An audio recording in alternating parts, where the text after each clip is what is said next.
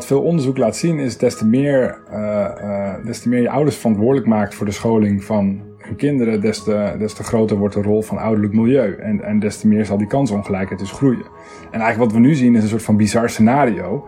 Waarin opeens de school uit beeld is en, en ouders heel veel verantwoordelijkheid krijgen. De school, die school die, die levert natuurlijk wel dingen aan, maar de primaire verantwoordelijkheid ligt bij de ouder. Uh, en dus is mijn verwachting dat de kansenongelijkheid toeneemt.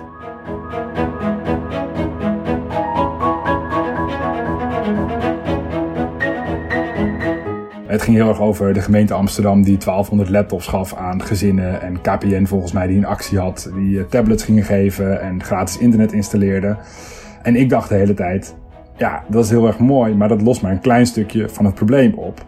Want een heel groot stuk van het probleem zit er niet alleen in die materiële hulpbronnen, maar juist ook in de mate waarin ouders hun kinderen ondersteunen, maar ook kunnen ondersteunen. Uh, voel je je goed in staat om je kind te helpen bij het schoolwerk? Vind je het ook belangrijk hè, om je kind te helpen bij het schoolwerk? Uh, help je dat kind dan ook vaak? En ja, eigenlijk zo goed mogelijk in kaart proberen te brengen hoe die twee lijnen, dus meer de culturele hulpbronnen en de economische hulpbronnen, hoe die nou verschillen. Ouders in het middelbaar onderwijs vinden het allemaal lastiger om een kind te helpen. Maar degene die het echt heel lastig vinden zijn mensen die zelf uh, maximaal hun middelbare school hebben afgemaakt. Uh, mensen in het, uh, met een universitair diploma, ongeveer 75% van die mensen, voelt zich goed of heel goed in staat om een kind te helpen. En dat percentage is 40% onder mensen met een middelbare schooldiploma. En, en als je dan gaat kijken naar die groep waar jij het over hebt, hè, die VWO'ers, die het moeilijke, die misschien de moeilijkste vakken hebben. Uh, dan zie je daarbij dat nog steeds 75% van de universitair geschoolde ouders zich goed of heel goed in staat voelt om die kinderen te helpen. Maar dat maar 30% van uh, mensen met maximaal middelbare schooldiploma. Dus die, vooral die verschillen zijn daar heel erg groot uh, als het gaat om de mate waarin je ja, zelf aangeeft hulp te kunnen bieden.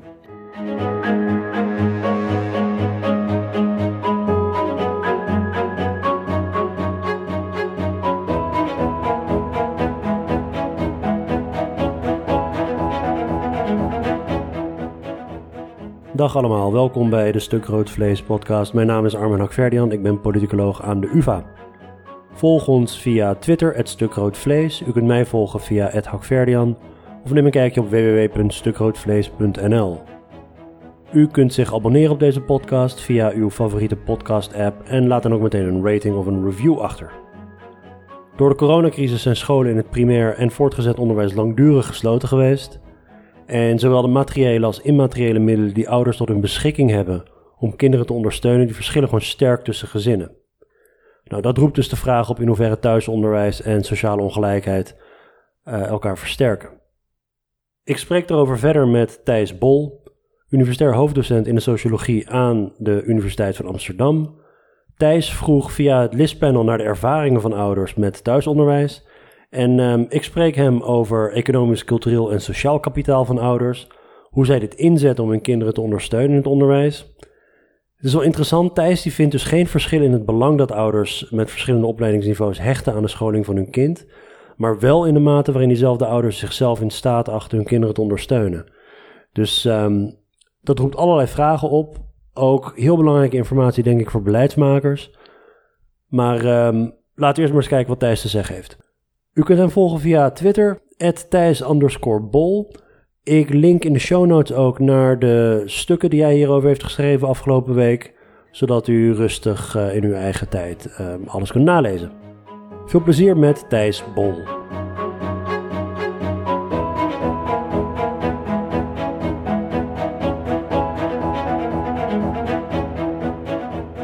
Goed, het is zondagavond.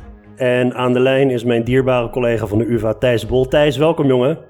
Hallo, goedenavond. Het is uh, ongeveer aflevering nummer 70 en pas nu maak jij je debuut. Hoe kan dat? Ja, dat is een goede vraag. Ik denk eigenlijk dat die vraag uh, bij jou ligt, Armen. Uh, ik heb je... Ja. Oh. Jij hebt me uitgenodigd, weet ik. Ik heb je, heel vaak uitgenodigd. Nee, één keer, één keer. Eén keer uitgenodigd. Nee, uh, één keer heb je me uitgenodigd. Het ging ook over onderwijsongelijkheid. Uh, maar toen heeft Herman dat gedaan. Ja, ik weet niet, ik denk dat we gewoon allebei het gevoel hadden, er gaat iets beters komen. en dat moment is nu. Dat, Laten dat we wachten. heb ik. Laten we wachten op een allesverzengende plaag voordat Precies, we... Ja. Nou, dat moment is inderdaad nu gekomen. Je hebt afgelopen week heb jij een soort van rondje langs media gemaakt. En eh, niet de minste. Nieuwsuur, Jeugdjournaal. En dit is een beetje de, de kroon op je werk. Stuk Rood. Vlees podcast. Eigenlijk gewoon telkens een stapje omhoog. hè. Je begint een beetje onderaan bij Nieuwsuur. Nou, dan ga je naar het Jeugdjournaal. Dat, dat is eigenlijk al een droom die uitkomt. En dat ik hier nu op zondagavond met jou praat, eh, dat Ja. overtreft eigenlijk alles. Geweldig. Alright. Ehm, dus kansenongelijkheid in het onderwijs. Laten we beginnen bij het begin. Ehm, kinderen hebben hun ouders niet voor het kiezen natuurlijk. Ehm, maar er zijn allerlei verschillen tussen, tussen families, tussen gezinnen, tussen ouders. Eh, de eh, middelen eigenlijk die zij in kunnen zetten om hun kinderen dan wel te helpen of juist een obstakel te vormen, om het heel plastisch te noemen.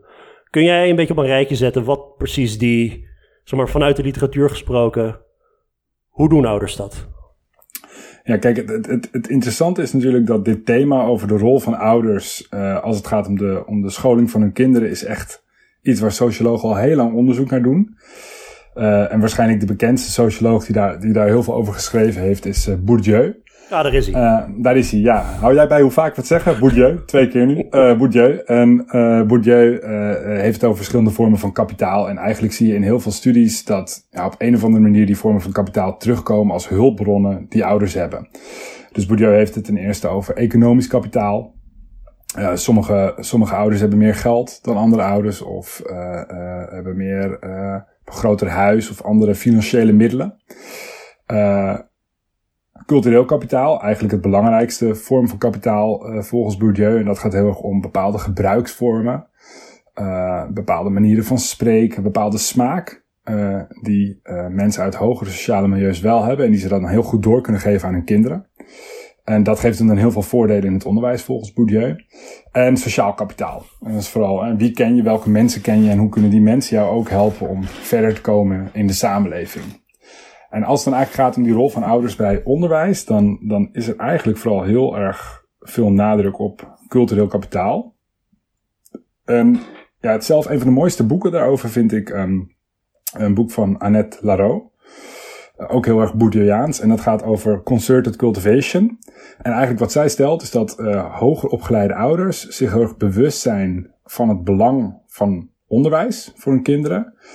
En zich dus ook heel erg actief daarmee bezighouden. Heel erg actief bezighouden met ja, het stimuleren van het leren van het kind. Dus thuis veel meer oefenen uh, naar bepaalde uh, bijlessen, zomerscholen, et cetera. Zodat die kinderen zo goed mogelijk kunnen leren. En mensen uit een lager sociaal milieu doen dat niet. Um, en dus ontstaat er kansenongelijkheid. Hè. Kinderen die uh, het geluk hebben om geboren te zijn in een gezin waarbij ouders hoog opgeleid zijn, die, uh, die krijgen gewoon meer kansen om goed te presteren in het onderwijs. Ja, het, is voor mij soms moeilijk om in die hele discussie uit elkaar te halen waar nou precies het economische kapitaal stopt en de andere vormen van kapitaal beginnen, of eigenlijk ook wat de motivaties zijn van verschillende ouders om zich te bemoeien met het onderwijs van hun kind. Um, dus bijvoorbeeld, je kunt heel erg veel belang hechten aan onderwijs en het volgen van hoger onderwijs misschien. En echt misschien je kind zelfs tot het onredelijke pushen om maar naar uh, ja, de hogere tracks en naar, weet ik veel, naar universiteit of later. Maar dat je daar puur economische motieven voor hebt. Omdat het hebben van een uh, van, van hoger onderwijs helpt om een betere baan te vinden. Is dat dan ook cultureel kapitaal? Dat jij wel belang hecht aan het uh, onderwijs van je kind, maar vanwege puur economische redenen? Het is niet dat jij wil dat je kind... Ja, dat is cultureel, dat is cultureel kapitaal. Dat is allemaal cultureel kapitaal. Dat is allemaal cultureel kapitaal. Kijk, het idee is dat die ouders, die hebben dus bepaalde ideeën in hun hoofd zitten die ervoor zorgen dat die kinderen verder komen in het onderwijs. Economisch kapitaal gaat echt over ouders kunnen jou dingen aanbieden, omdat ze daar de middelen toe hebben. Okay. Dus dat gaat er echt over van, uh, uh, heb jij een eigen kamer, een eigen bureau om te leren? Heb je ouders geld om bijles te, uh, te kopen voor jou? Hè? Dat soort, eigenlijk dat, veel meer die kant. Dat is echt het economisch kapitaal. Maar het feit dat ouders denken, een opleiding is belangrijk, want je verdient meer geld. Uh, da daar zit wel degelijk, dat is wel degelijk cultureel kapitaal. Uh, gedeeltelijk is het ook kennis die sommige ouders hele helemaal niet hebben of veel minder hebben. Ja. Kijk, ouders met een hoge opleiding weten zich ook veel beter een soort van te manoeuvreren door het onderwijssysteem. Uh, om uiteindelijk terecht te komen op de plekken waar, uh, ja, waar het voor kinderen het, het gunstigst is. Maar bijvoorbeeld cultureel kapitaal, een van de. misschien is dit te nauw gedacht hoor, maar Bourdieu heeft het ook over bijvoorbeeld de codes die gelden in bepaalde hogere milieus. Dat je moet weten hoe je, hoe je spreekt, hoe je je kleedt dat gaat eigenlijk, dat is veel nauwer dan alles wat in het hoofd van ouders zit. Ja, het is, kijk, Bourdieu, wat Bourdieu zegt eigenlijk is dat, um, en ik ben, het ook, ik ben helemaal geen Bourdieuan, ik ben het ook niet volledig eens met Bourdieu.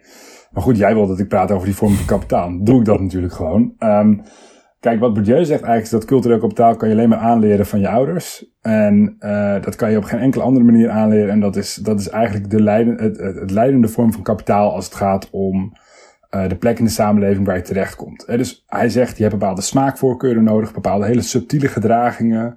Uh, wanneer je wel lacht om een grapje, wanneer je niet lacht om een grapje, hoe je praat. Dat is allemaal heel subtiel. Het is heel belangrijk om op bepaalde posities te komen.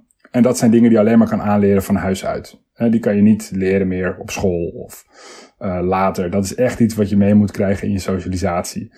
Uh, dus cultureel kapitaal is volgens hem eigenlijk de belangrijkste uh, bron van sociale reproductie in, um, in de samenleving. Het, het, feit dat kinderen met, een, met ouders met een hoge opleiding zelf vaak ook een hoge opleiding hebben.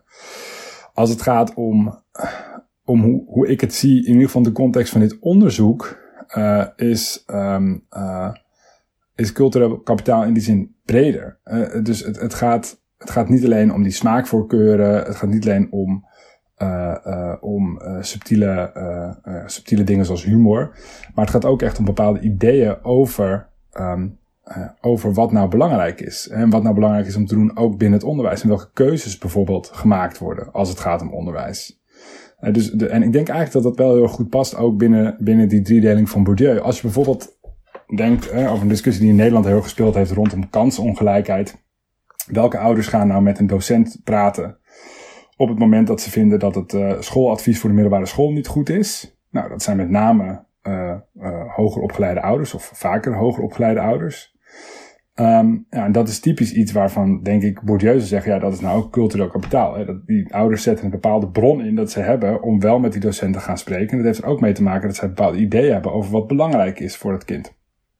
Ja, ja, je, dat, eigenlijk, het is heel cru om te zeggen, maar een groot deel van de discussie gaat toch uiteindelijk over um, hoe vroeg moet je kinderen intellectueel gezien of voor hun, voor hun scholing weghalen bij hun ouders en naar school sturen. Want uh, we gaan het vast straks hebben ook over thuisonderwijs. En je hebt allerlei varianten van thuis zijn, bijvoorbeeld vakanties. En in vakanties groeit de ongelijkheid ook.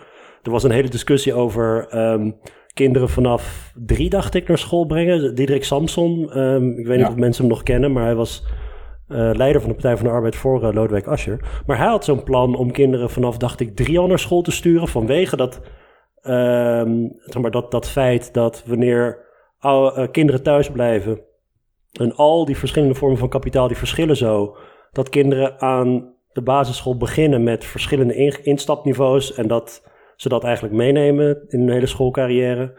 Dus die discussie die komt er eigenlijk op neer. Hoe kun je kinderen, als het gaat om hun, laten we zeggen, ontwikkeling, zo, zo, zo, zo, zo lang mogelijk bij hun ouders eigenlijk weghalen, toch? Ik bedoel dat. Ja, nou, kijk, er zijn natuurlijk heel veel goede redenen ook om kinderen wel lang bij hun ouders te laten. Hè? Dus uh, als het gaat om hechting en, en dingen die niet per se gaan om ah. onderwijsprestaties. Maar goed, hè, wat maakt, wat maakt hechting uit? Nee, maar als het, uh, als het gaat om onderwijsprestaties, daar is heel veel onderzoek naar gedaan, ook bijvoorbeeld door economen. Hackman, de Nobelprijswinnaar, heeft daar veel onderzoek naar gedaan. En die zegt eigenlijk, ja, op het moment dat je uh, kansongelijkheid in het onderwijs uh, uh, ja, wil proberen te voorkomen, moet je zo vroeg mogelijk interveneren. Want dan is eigenlijk echt het moment dat die verschillen ontstaan.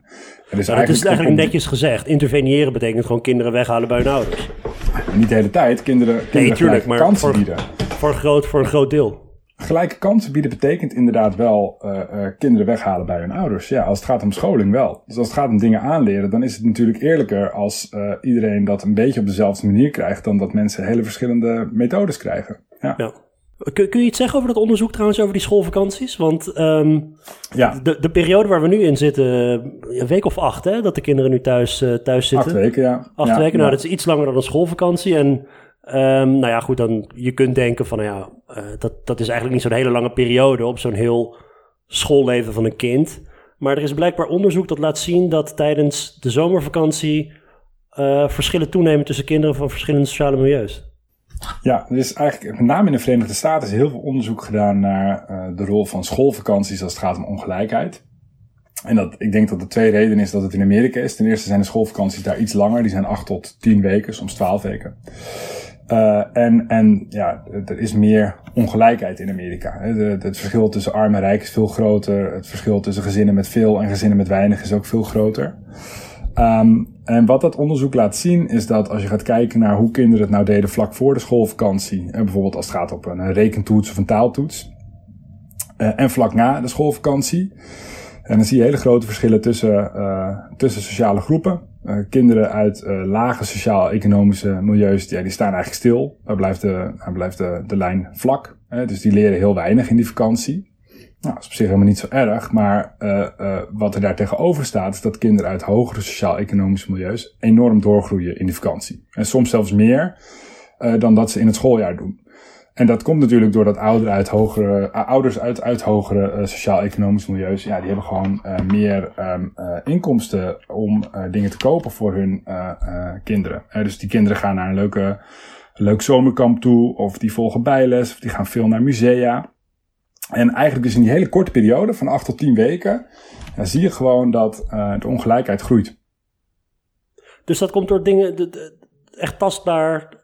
Want ik vraag me wel eens af als, als mensen het hebben over dus het, de invloed van het ouderlijk milieu.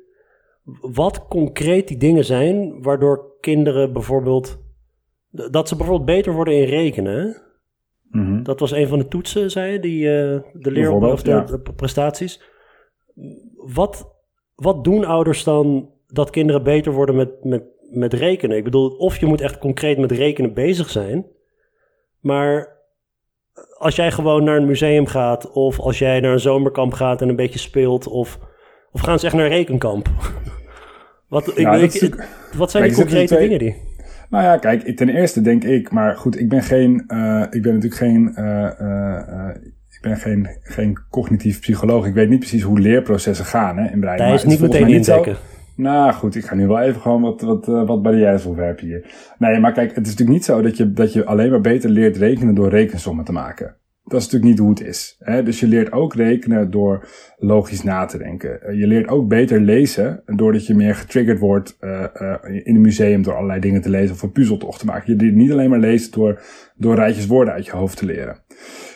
Dus, dus dat even ten eerste. En, als het dan de tweede vraag is, wat zijn nou die concrete dingen die ouders doen? Nou, soms kan dat heel concreet zijn. Hè? Ik je kan je voorstellen, weet ik veel, dat een eh, kind naar een zomerkamp gaat uh, waar ze bezig zijn met science of met programmeren. Maar ja, goed, daar leer je natuurlijk wel degelijk dingen die heel erg nuttig zijn voor een rekentoets. Maar het kunnen ook heel erg uh, subtiele dingen zijn die ook helemaal niet per se bedoeld zijn om kinderen slimmer te maken. Kijk, als ik mijn kinderen meeneem naar een museum, als ik, als ik met mijn kinderen naar Nemo ga, dan denk ik niet van, nou, deze zondag ga ik ze even goed investeren in hun in hun cognitie. Ik ga ze eens even lekker slimmer maken. Ik doe dat omdat ik het leuk vind en zij vinden het leuk. En uh, we gaan kijken naar de kettingreactie en we gaan proberen, uh, uh, proberen meteoorinslagen tegen te houden. Maar natuurlijk leren ze wel dingen. dus ik, denk, ik denk dat... Iedere keer die kettingreactie. Iedere keer die ketting, elke keer ook gaat het ergens mis en dan even toch weer opstarten. maar nee, maar goed, dus ze leren wel dingen daar. Ja. En, en um, ja, het is heel moeilijk natuurlijk zeggen welke, welke stukjes dan precies leiden tot tot die leerwinst. Maar die leerwinst is er wel. Kijk, als je naar een museum gaat en je, en je leest dingen, uh, of uh, überhaupt, je gaat gewoon veel boeken lezen met je ouders in de vakantie, ja, dan, dan gaat je leesvaardigheid natuurlijk wel omhoog. Als je dat ja, vergelijkt zeker, met kinderen die het niet doen. Nee, maar iets als voorlezen, dat, dat wordt ook eigenlijk, um, ik denk dat dat de opmerking is die uh, ouders op de school van mijn kinderen, mijn kinderen zijn vier en acht, maar iedere dag even lezen. Dat is uh, blijkbaar heel belangrijk in het. En ja. het, merk je ook als je veel leest, dat de kinderen ook beter worden. Ik kan me voorstellen dat, dat je tijdens een vakantie bijvoorbeeld dat lezen, dat je daarmee doorgaat en dat daardoor zeg maar, die oefening blijft. Maar dat, dat is heel concreet. De activiteit is lezen, de leeropbrengst is lezen. Maar die diffuse dingen zijn, zijn interessant ook voor mij om hoe dat precies allemaal zomaar werkt. Maar dat gaat natuurlijk, dat hangt wel met elkaar samen, Armin. Kijk, als je, het leesvaardigheid is zo belangrijk voor rekenen ook tegenwoordig. Mm. Uh, en voor andere dingen. Dus als je, als je, je ziet gewoon bij kinderen die, uh, die geen goede leesvaardigheid hebben ja, dan, merk je, dan merk je ook gewoon dat ze minder scoren op allerlei andere domeinen die niet per se met lezen te maken hebben. Maar dat is omdat ja, heel veel vakken heel erg talig geworden zijn. Dus kinderen die snel kunnen lezen, beter kunnen lezen, snappen dan sommen ook beter. Hè? Uh, ik weet niet hoe, hoe het rekenwerk van jouw kinderen eruit ziet, maar soms zijn het ook hele grote verhalen waarbij van alles uitgelegd wordt en met appels die ergens uit een mandje gehaald moeten worden, weet ik veel. Het is niet alleen maar lijstjes met 2 plus 2. Nee. Uh, en, en kijk, dat is dus ook, dat is ook de reden dat um, um, uh, de onderwijsinspectie in de staat van het onderwijs, die anderhalf week geleden is uitgekomen, ook heel erg aan de bel trekt over de verder dalende leesvaardigheid van Nederlandse kinderen. Uh, dat is omdat het niet alleen gaat om, eh, jongens, onze kinderen lezen nu minder goed. Maar ja, er zit natuurlijk ook achter dat, dat lezen zo belangrijk is voor allerlei andere aspecten in het leven, dat dat, echt iets alarmerends is. Ja, zoals je zei, dit is een onderwerp dat ja, echt de bread and butter van heel veel sociologen is. Die nu komt die hele uh, coronacrisis er doorheen. Je hebt een aanvraag gedaan om wat surveyvragen mee te laten lopen bij het listpanel. Wat was voor jou de reden om dit concreet te gaan onderzoeken? Ja, er is eigenlijk twee redenen. Um, het was natuurlijk allemaal heel erg kort dag. Hè? Uh, in de zin van de, de, de, de schoolsluiting was volgens mij op 16 maart en de, de, de, die beursaanvraag was 31 maart. Maar er waren eigenlijk twee redenen dat ik dat wilde doen. Ten eerste dacht ik, vanuit mijn wetenschappelijk interesse is dit een unieke periode om in kaart te brengen hoe ouders op verschillende manieren omgaan met de scholing van hun kinderen. Ja. Het is normaal heel moeilijk om dit te onderzoeken, omdat ja, er is altijd school en die school die doet dingen. En dus als ouders iets wel of niet doen, dan weet je nooit precies waar dat nou aan ligt, want die school zit ertussen. En dat is voor onderzoek soms vervelend natuurlijk. Maar nu is die school weg. Dus dat betekent dat alle ouders moeten zich bezighouden met de scholing van hun kinderen. En dat geeft eigenlijk een, een uniek inkijkje in hoe ouders dat doen. En ook hoe ze dat verschillend kunnen doen. Of überhaupt doen. Dus dat is de eerste reden. En de tweede reden is eigenlijk dat ik het zelf um, uh, een heel belangrijk thema vind. dus ik had zelf heel het gevoel van als we hier nu geen data over gaan verzamelen, op dat moment zou die schoolsluiting nog maar duren tot 6 april. Maar goed, misschien nog iets langer. Maar ik dacht wel, als we hier geen data over gaan verzamelen, dan, ja, dan komen we eigenlijk nooit te weten wat er nou precies gebeurd is in die periode. Want uh, ja, als het maar even kan, gaan de scholen weer open. Dat gevoel had ik ook wel. Uh, dus een paar maanden wachten met, met dat onderzoek, dat, dat kon niet. Dus dat, was, dat waren eigenlijk voor mij de twee redenen om het in te dienen. En de manier waarop je het onderzoekt is natuurlijk heel specifiek. Je vraagt ouders naar hun ervaringen. Het is een enquête. Ja. Uh, je had het waarschijnlijk ook kunnen onderzoeken door daadwerkelijk te kijken naar dingen als leeropbrengsten, maar daar is het waarschijnlijk nog te vroeg voor, toch? Ik bedoel, ik neem aan dat, dat TZT er allerlei toetsen ook uh, gebruikt gaan worden om te kijken of de daadwerkelijke schoolprestaties van kinderen in deze acht weken en misschien zelfs in de toekomst ook, ik bedoel, dit gaat langer duren dan die acht weken die we achter de rug hebben. Um, dat, dat, is, dat is andere data. Uh, je hebt voornamelijk de ervaringen van ouders in beeld gebracht? Nou, eigenlijk is het voorstel bestaat uit twee delen. Uh, dus het eerste deel is gewoon uh, de ervaringen uh, en de perceptie van ouders in beeld brengen. Hè, hoe zij deze periode beleefd hebben. Ja. dus hun vraag van nou, hoe is het nou gaan met die thuisscholing? Nou, daar kunnen we zo wat meer over praten. Maar het tweede deel van het voorstel, en daar heb ik nog helemaal niet echt onderzoek naar kunnen doen, is kijken wat nou de consequenties hiervan zijn. Uh, dus al die uh, gezinnen over wie ik um, data heb verzameld, gegevens heb verzameld over die thuisscholing of onderwijs op afstand. Um, die koppel ik ook aan de bevolkingsregisters in Nederland. En in de bevolkingsregisters van Nederland staat hele waardevolle informatie over de onderwijsloopbanen van leerlingen. Dus er staat bijvoorbeeld in naar wat voor niveau je gaat op de middelbare school, wat je eindtoetsscore is op de basisschool, uh, of je blijft zitten, in welk leerjaar je zit. Uh, binnenkort staat daar misschien ook gegevens in van het leerlingvolgsysteem. Uh, waarin je dus kan zien op de basisschool elk jaar hoe leerlingen groeien op een soort gestandardiseerde toets.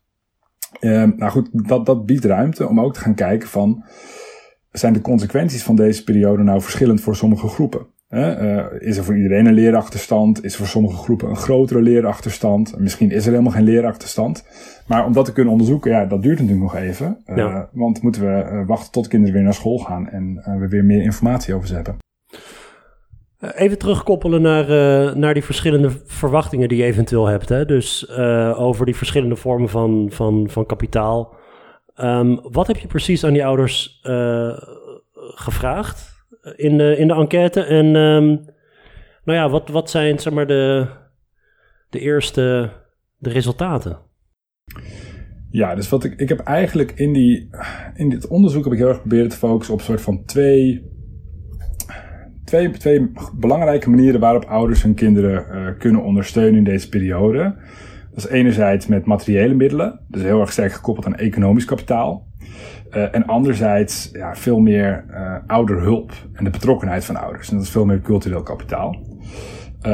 en als het gaat om, die, om het economisch kapitaal, hè, dus die, ja, die meer financiële hulpbronnen, heb ik bijvoorbeeld gevraagd aan ouders, nou heeft dit kind nou een eigen computer of een eigen tablet om op te werken? Heeft dit kind een eigen kamer om rustig op te werken? Heeft dit kind überhaupt een eigen, een eigen slaapkamer? Uh, dus heel erg ja, materiële verschillen in kaart proberen te brengen tussen ouders, uh, die natuurlijk consequenties kunnen hebben voor de manieren en de mogelijkheden waarop die kinderen leren in deze periode. En de andere kant vond ik zelf eigenlijk vanuit mijn sociologische invalshoek interessanter.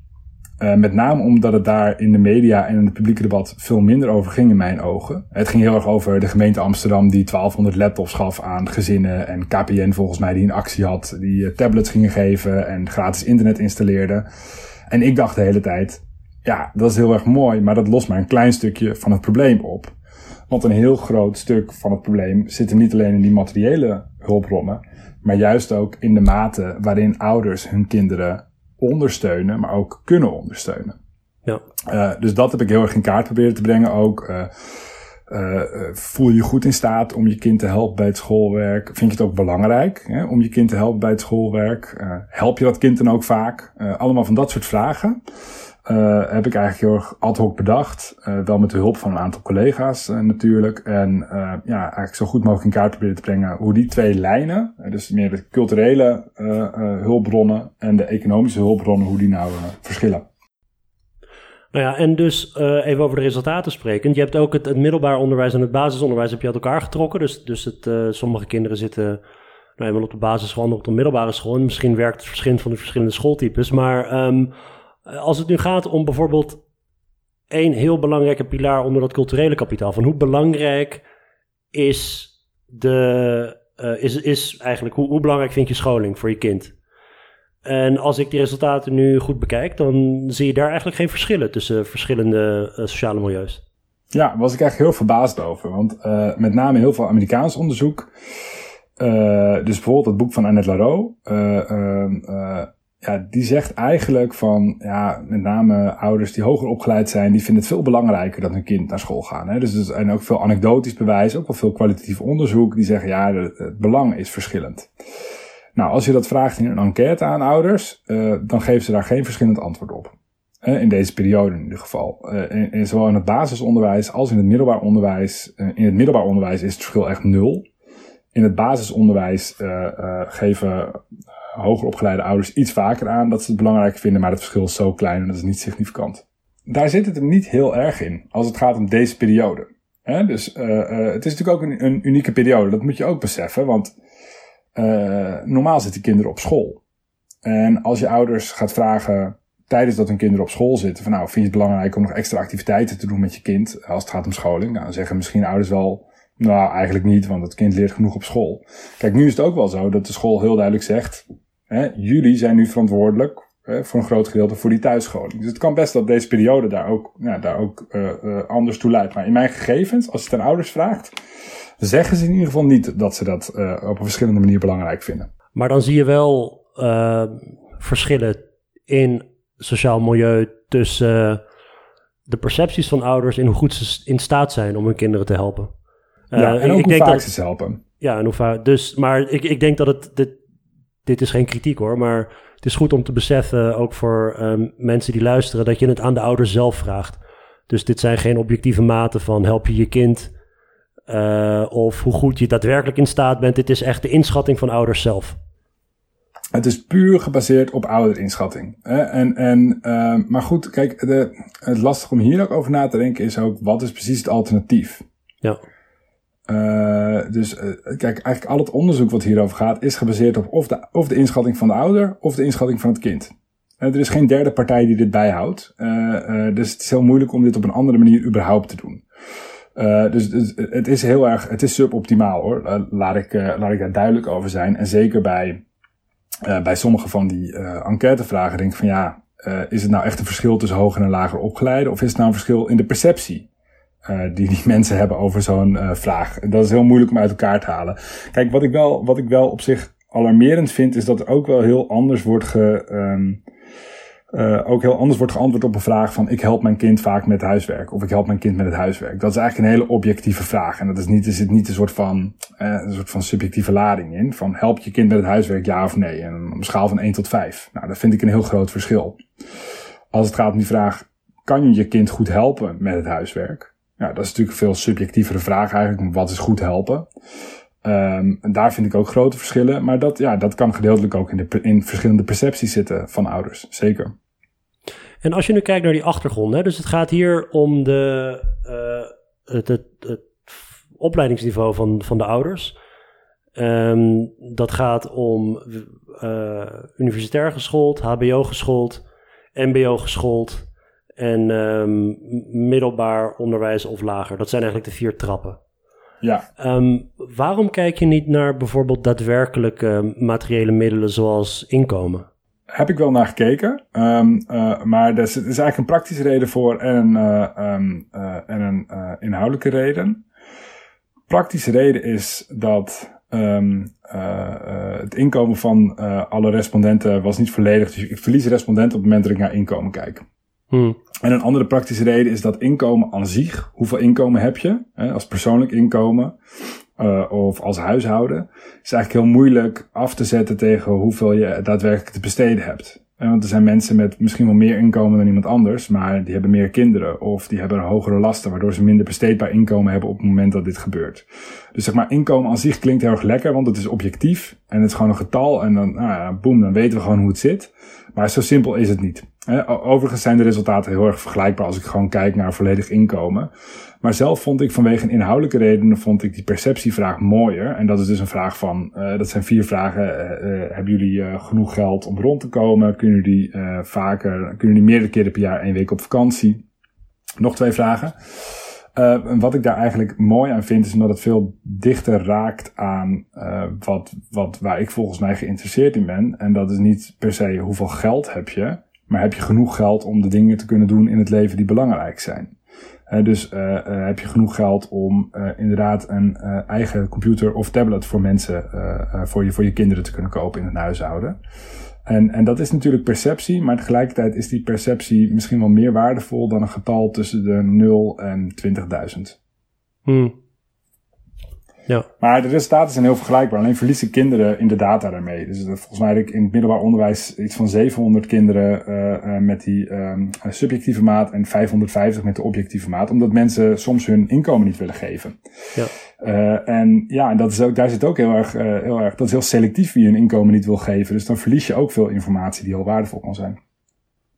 Dus als ik het, het zeg maar de resultaten uit het basisonderwijs goed begrijp hier, dan, dan zie je eigenlijk dat ongeacht sociaal milieu ouders op eigenlijk scholing belangrijk vinden. Dus daar zit hem niet de grote, uh, daar, ja, het, het, grote verschil in.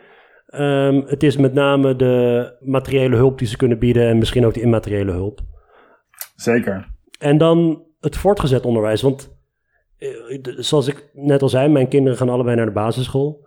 Uh, de huiswerk die ze daarbij hebben, uh, kan, kan ik nog redelijk, uh, redelijk mee helpen. Ook, laten we zeggen, intellectueel.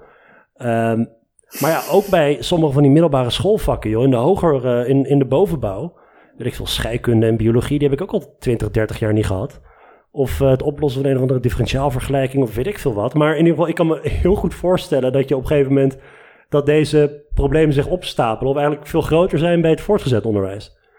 Nou, dat is, dat, is ook, dat is ook wat ik vind in die gegevens. Dus ik was eigenlijk, dacht ik zelf, Uh, vooraf als het gaat om verwachtingen van, nou, ik verwacht misschien wel verschillen in de mate waarin ouders zich in staat voelen om te helpen in het basisonderwijs. Maar misschien ook niet. Hè? Want basisonderwijs is toch wel redelijk goed te doen. Maar wat ik, eh, ik had het wel verwacht in het voortgezet onderwijs. Nou, wat je ziet dat in het voortgezet onderwijs zijn die verschillen veel groter. En, en als we gewoon even het hele, de hele verschillen tussen groepen overboord zetten, zie je ook gewoon in het basisonderwijs dat het grootste gedeelte van de ouders voelt zich prima in staat om te helpen. En in het voortgezet onderwijs neemt die groep al af. Dus dat, dat, dat is volledig in lijn met jouw uh, verwachting dat uh, niemand precies meer weet hoeveel een mol nou is als ze moeten gaan rekenen met scheikunde in 5 VWO.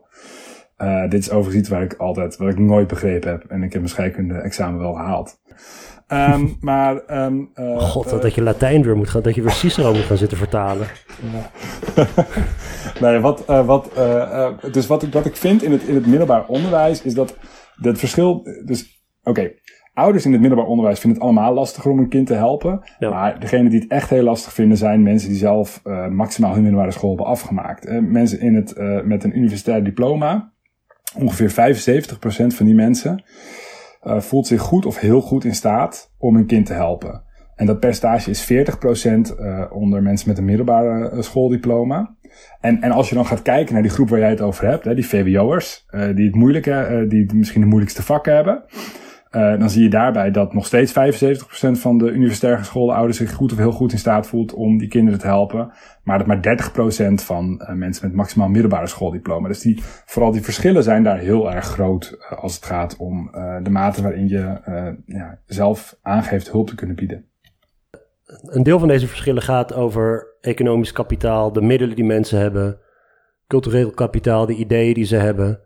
Maar een van de dingen die mij heel erg is opgevallen de afgelopen tijd, uh, deze acht weken in, in, in de coronatijd in ieder geval, is ook dat tijd een hele belangrijke hulpbron is. Dus thuiswerken tegelijkertijd met thuisonderwijs is een extreem moeilijke combinatie. Mijn inschatting zou zijn, nogmaals puur onderbuik, is dat mensen nog al die middelen kunnen hebben en al die ideeën kunnen hebben, maar op het moment dat beide ouders misschien moeten werken, dat er dan alsnog niet zo heel veel terecht komt van het thuisonderwijs. Ja, dus wat ik vind in mijn resultaten uh, is, eigenlijk op twee manieren heb ik daarnaar gekeken. Ten eerste heb ik gevraagd aan mensen, heb je, hoeveel tijd heb je? Heb je tijd om kinderen te, heb je, heb je, zelf genoeg tijd om je kinderen te ondersteunen? Gewoon een subjectieve vraag wederom.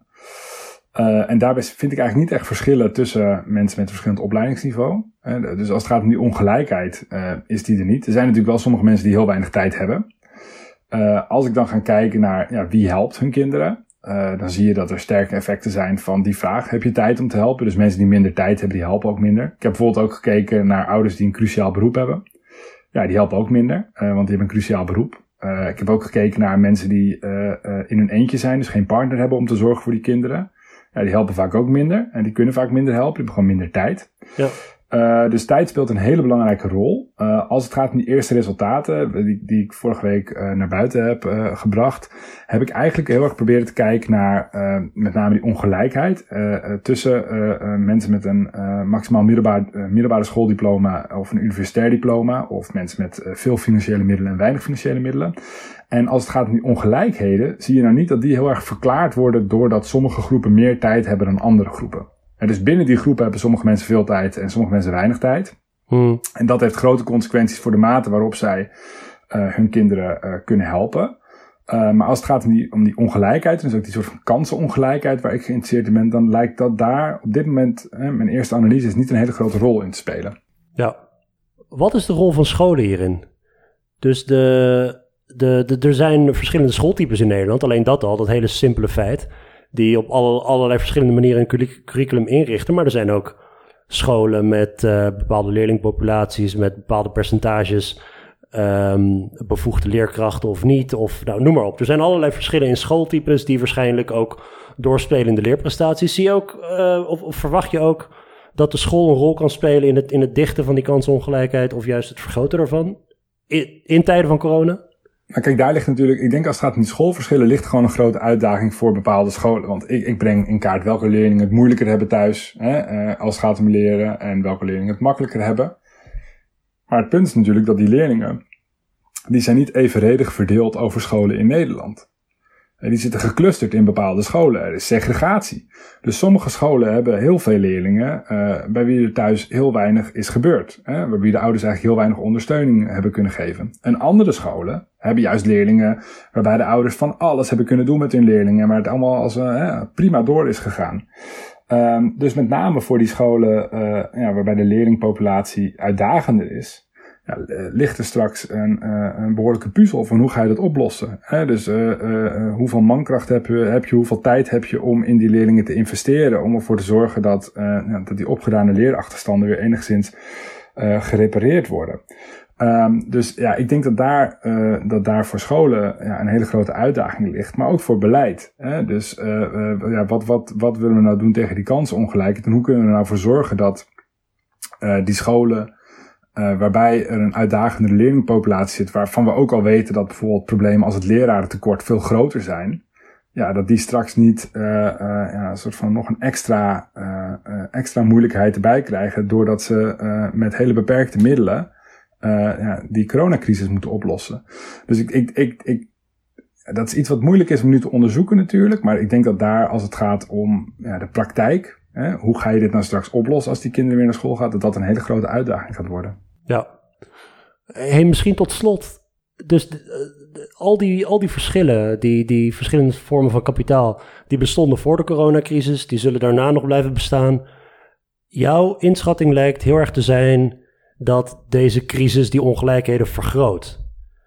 Um, in plaats van, je zou kunnen zeggen, de crisis legt die ongelijkheden bloot, maar vergroot ze niet per se.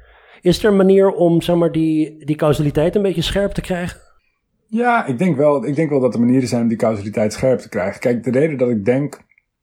De reden dat ik denk dat het vergroot is omdat uh, uh, eigenlijk hoe we, de vraag die je al eerder stelde, moeten we kinderen niet gewoon weghalen bij hun ouders? Nou ja, wat, wat veel onderzoek laat zien is des te meer, des te meer je ouders verantwoordelijk maakt voor de scholing van kinderen, des te, groter wordt de rol van ouderlijk milieu. En, en des te meer zal die kansongelijkheid dus groeien. En eigenlijk wat we nu zien is een soort van bizar scenario.